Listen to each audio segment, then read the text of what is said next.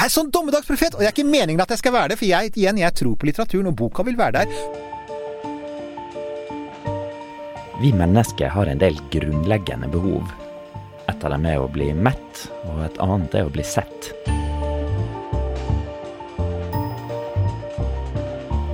Da Norge stengte ned 12. mars, sto plutselig hundretusenvis uten arbeid. Ei gruppe som ble hardt ramma, var kunstnere. Skuespillere, musikere, forfattere. De kunne fortsatt øve, komponere, skrive. Men poenget med det hele, formidlinga til et publikum, var de plutselig avskåret fra.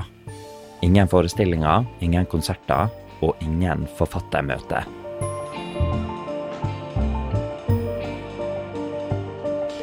Du hører på Barnebokkritikk's podkast.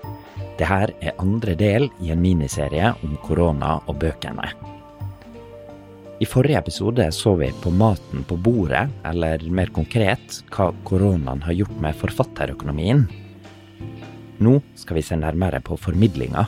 Det vi har fått en påminnelse om, det er hvor skjørt systemet er, for det er det. Gir pandemien varige endringer i måten vi formidler og konsumerer litteratur på? Og hva gjør korona med bokas evne til å konkurrere med alt det andre som skriker etter oppmerksomheten vår? Her er arbeidsplassen, og her er studio som nettopp er åpnet. I denne episoden har vi med oss forfatter og framtidssynser Eirik Knut.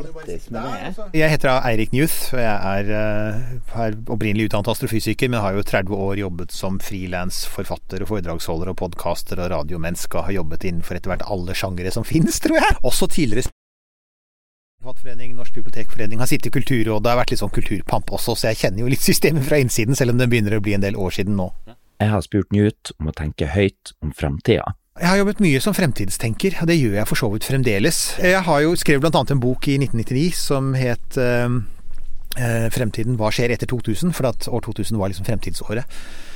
Og etter det så har jeg jobbet mye med å holde foredrag, være konsulent, snakket mye for næringsliv, organisasjoner, bedrifter, Luftforsvaret, bibliotekene. Hatt mye, vært mye involvert i, i slike prosesser, da. Uh, det jo, så det har jo da gitt meg det perspektivet på ting, at jeg selvfølgelig ofte når det skjer noe, så er jeg alltid veldig interessert i hvilke konsekvenser det får for fremtiden. De fleste av oss begynner å få en følelse av hvordan det her med pandemi fungerer, og noen klarer seg fint, noen klarer seg med støtte, og andre er ikke helt sikre på hvordan de skal få endene til å møtes.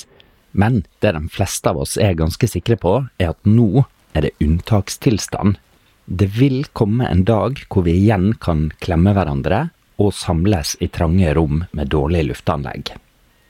Eirik Knut var en av dem som ikke ble veldig overraska over pandemien. Og så dukket jo da denne veldig forutsagte eh, situasjonen opp. Dette har vi som har vært opptatt av fremtiden egentlig tenkt på, og delvis også snakket og skrevet om i 25 år. Nemlig at, at det ville på et eller annet tidspunkt komme en stor global pandemi spredd, spredd via flytrafikk. Det er fælt å si det, men dette her, denne så vi komme, folkens. Og at mange har tenkt i disse baner, finner vi selvfølgelig igjen i litteraturen. Jeg syns jo noe av det fascinerende med det er jo at det har vært skrevet ganske mye litteratur rundt eh, pandemitanken.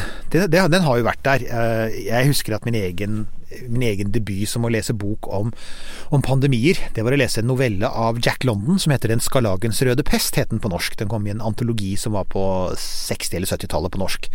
Og den skremte jo vannet av meg!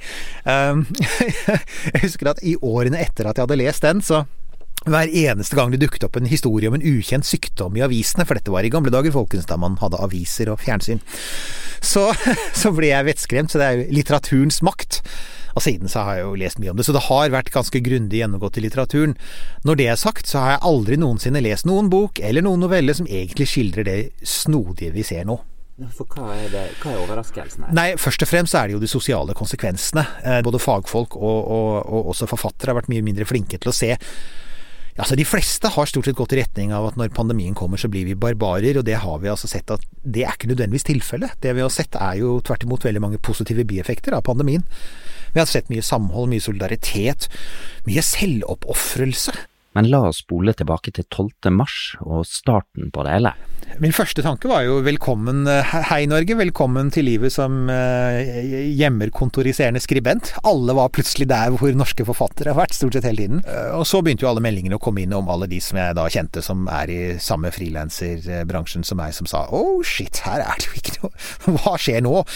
Uh, oppdrag blir avlyst, turneer blir avlyst, ikke sant, og hva skjer nå? Det vi har fått en påminnelse om, det er hvor skjørt systemet er, for det er det. Jeg har egentlig mast om dette i ganske mange år. Jeg har ment at vi har, vi har vært i en situasjon hvor vi har vært veldig avhengig av relativt få støttegivere. Vi er fryktelig avhengig av det offentlige i Norge. Litteraturen har eh, Altså, det er, dette er noe sånn derre Uh, altså vi har vært opptatt av liksom for, altså hvordan vi skal liksom skaffe mat og medisin inn i landet i et globalisert samfunn hvor produksjonskjedene er lange og sårbare. Vel, nå ser vi at det gjelder kulturlivet òg.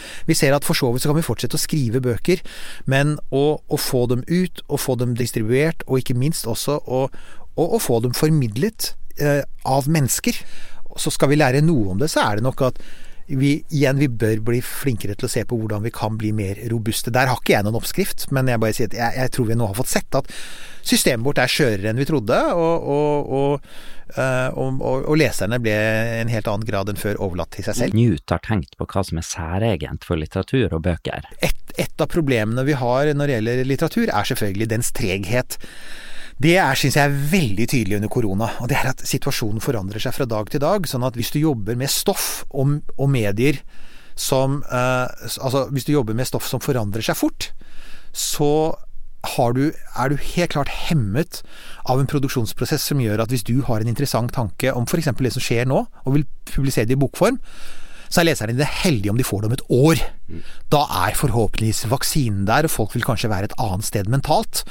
Og da vil kanskje det du skriver oppleves som lite relevant. Det er, det er rett og slett noe Det ligger i liksom noe av litteraturens i form og struktur, særlig når den er papirbasert. En ting er å skrive bøker, men Newt ble overraska over hvordan pandemien påvirka hans egen lesing.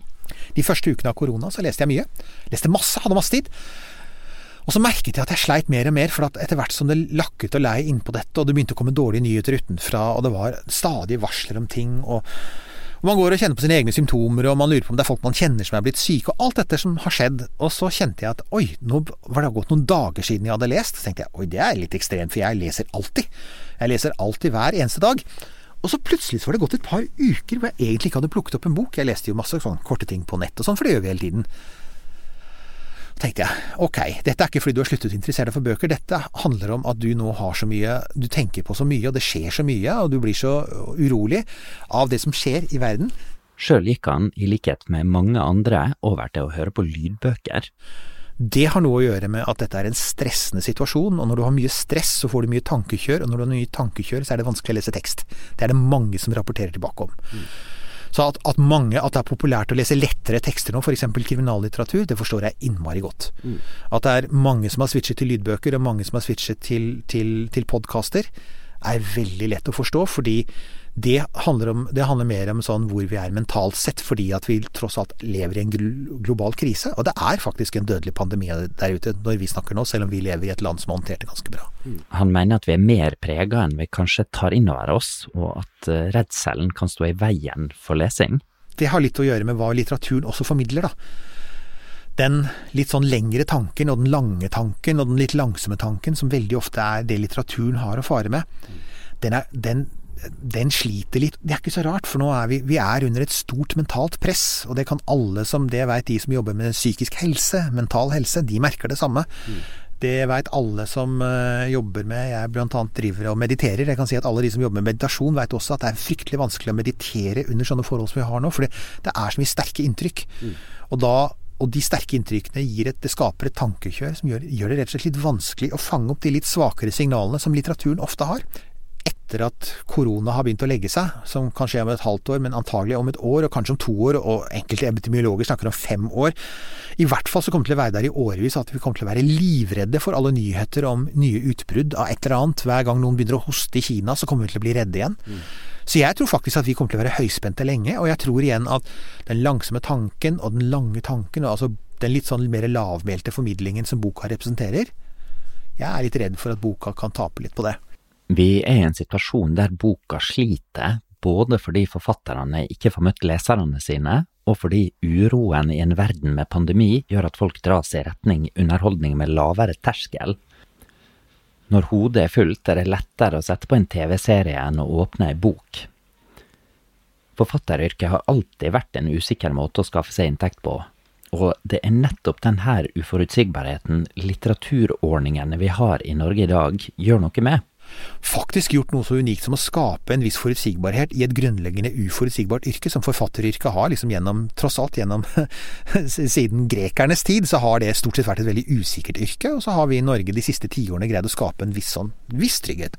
Ikke veldig, men viss. Blant annet fordi vi har hatt disse veldig gode offentlige støtteordninger. Vi har innkjøpsordningen og bibliotekene og skolesekken, ikke sant, og, og vi har uh, Forfattersentrum, og vi har, altså, vi har hatt en rekke sånne uh, i bunn og grunn offentlig støttede ordninger som har delvis skapt illusjonen av at det var mye mer robust enn det faktisk er. Han mener at pandemien, i tillegg til å ramme her og nå, peker på underliggende svakheter i systemet vårt. Dette er vekkerklokka som ringer og sier vi må, vi må våkne opp og si at så robuste er vi ikke. Eh, korona har minnet oss om hva som kan bli fremtiden vår, og som jeg tror blir fremtiden vår på litt lengre sikt, som er Altså Nå har vi masse oljepenger, og vi har klart å kjøpe oss ut av krisa. Det vi er inne i nå, er egentlig en forsmak på hva som skjer når vi skal fase ut oljen og samtidig får eldrebølgen. Da får vi også langt dårligere økonomi, og det blir mye vanskeligere å si vi trenger penger, og så kan staten faktisk dele ut med raus hånd, som staten i stor grad har gjort. Og den perioden går på et eller annet tidspunkt mot slutten, rett og slett for at vi skal fase ut oljen, få det grønne skiftet og takle eldrebølgen og klimakrisen. Og da kommer faktisk det å betale folk for å gi ut bøker til å stå ganske langt ned på lista. Det gjør det, altså. Så vi, vi må ta dette som et forvarsel om at vi må skape strukturer som er, som er mindre avhengig av én pengesekk, som for øyeblikket har en som heter Abid Raja på toppen. Eirik Knut mener at pandemien stikker noen kjepper i hjula for boka. Jeg tror faktisk det blir vanskeligere å kjempe for boka i post-koronalandskapet, rett og slett fordi at i den tiden vi er i nå, så er det noen aktører som var sterke før, som har styrket seg ytterligere. De har jo det, altså. Lyd, bilde, korte tekster har styrket seg. Det har det. Det digitale styrker seg. De store selskapene styrker seg. De stiger på børsene som crazy.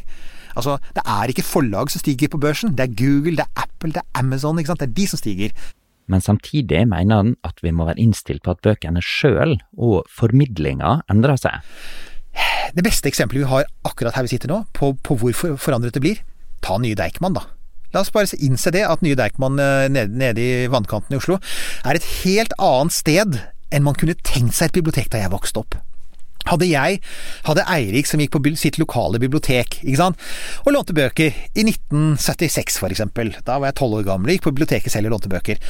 Hadde jeg blitt transportert til Deichman i Bjørvika, så ville jeg sagt ok, jeg ser noen bøker her, men jeg ser jo ikke egentlig et bibliotek, ikke sant, jeg ser et helt annet bygg. Jeg syns det er en bra ting. Jeg syns det er bra, for det er sånn samfunnet er blitt. Men da må du tenke ok, det er altså da sant, 1976, det begynner å bli en del år siden. Skremmende mange år siden. ok, ta spol den fram, da. Ta spol den fram 20 år og si at ok, om du hadde tatt en person fra det som er et bibliotek eller en bokhandel om 20 år, og plasser dem ikke sant? Altså, og, og plasser dem i dagen, så si oh, wow, hva i verden er dette? ikke sant? Det, det ligner ikke det i det hele tatt. Vi må regne med at den prosessen fortsetter videre. Men vi som er opptatt av å fortsatt ha en rik litteratur i Norge, hva bør vi gjøre? Når vi snakker om det, så havner vi på innkjøpsordninga. Noen av ordningene vi har vært så glad for i dag, tror jeg kommer til å være under et sterkt press. F.eks. innkjøpsordningen, som er basert, tross alt, er basert på antall bibliotekfilialer. Og antall bibliotekfilialer, folkens, det kommer til å gå ned. Det kommer til å gå ned fordi Norge sentraliseres. Og Norge sentraliseres først og fremst fordi at Norge blir eldre. Jo eldre, eldrebølgen treffer småkommuner først. Det ser vi allerede, at småkommuner i Norge har langt flere eldre. Og det betyr at avfolkingen, dessverre kan man si, men det er et faktum, den vil fortsette. Så her er et forslag for dere som jobber med litteraturpolitikk, helt konkret når det gjelder litteraturformidling. Det viktigste litteraturpolitiske tiltaket, formidlingstiltaket vi har i dag, heter innkjøpsordningen. Begynn å lage en, det som vi fremtidstenkere kaller en future-proof, en fremtidstilpasset støtteordning for litteratur. Ikke en som er basert på at vi fortsatt har mange småkommuner med lokalbiblioteker. Lag en ordning som er tilpasset en virkelighet der vi kanskje ikke trykker mer enn akkurat de bøkene som trengs for å ligge i et offentlig rom. Og ikke minst få på plass en skikkelig e-bokavtale for bibliotekene, for for veldig mange så vil framtiden ligge der. Jeg er sånn dommedagsprofet, og det er ikke meningen at jeg skal være det, for jeg, igjen, jeg tror på litteraturen, og boka vil være der, forfatterne vil være der. Men jeg bare, igjen, jeg tror der, de der veldig trygge rammebetingelsene og forutsigbarheten vi har nå, er under sterkt press. Og hvis ikke vi begynner å lage strategier for å kunne tilby politikere alternative løsninger til f.eks. en bibliotekbasert ordning som vi har i dag, så tror jeg vi er i fare ikke la innkjøpsordninga forvitre, er altså Erik Newts appell. Men heldigvis så kan bare dystre framtidsspådommer. Kanskje vil vi se igjen, og det er det jeg er så spent på. Vil den nåværende krisen avføde en ny generasjon av unge folk som kommer opp med noe som, som du og jeg, som har vært med en stund, ikke ser fordi at vi har vært med en stund, ikke sant? Det er det jeg håper på. Jeg har alltid, alltid trodd veldig på ungdommen de har gang på gang greid å hoste opp nye løsninger, når vi gamlisene liksom har sagt ja, men det går jo ikke an. Ikke sant? Nei, men sånn har vi alltid gjort det, for det er der vi er nå. Ja, men sånn har vi alltid gjort det. Vi har alltid støttet litteraturen på den måten, og vi har dessuten den beste ordningen i verden, det er vi også veldig flinke til å si.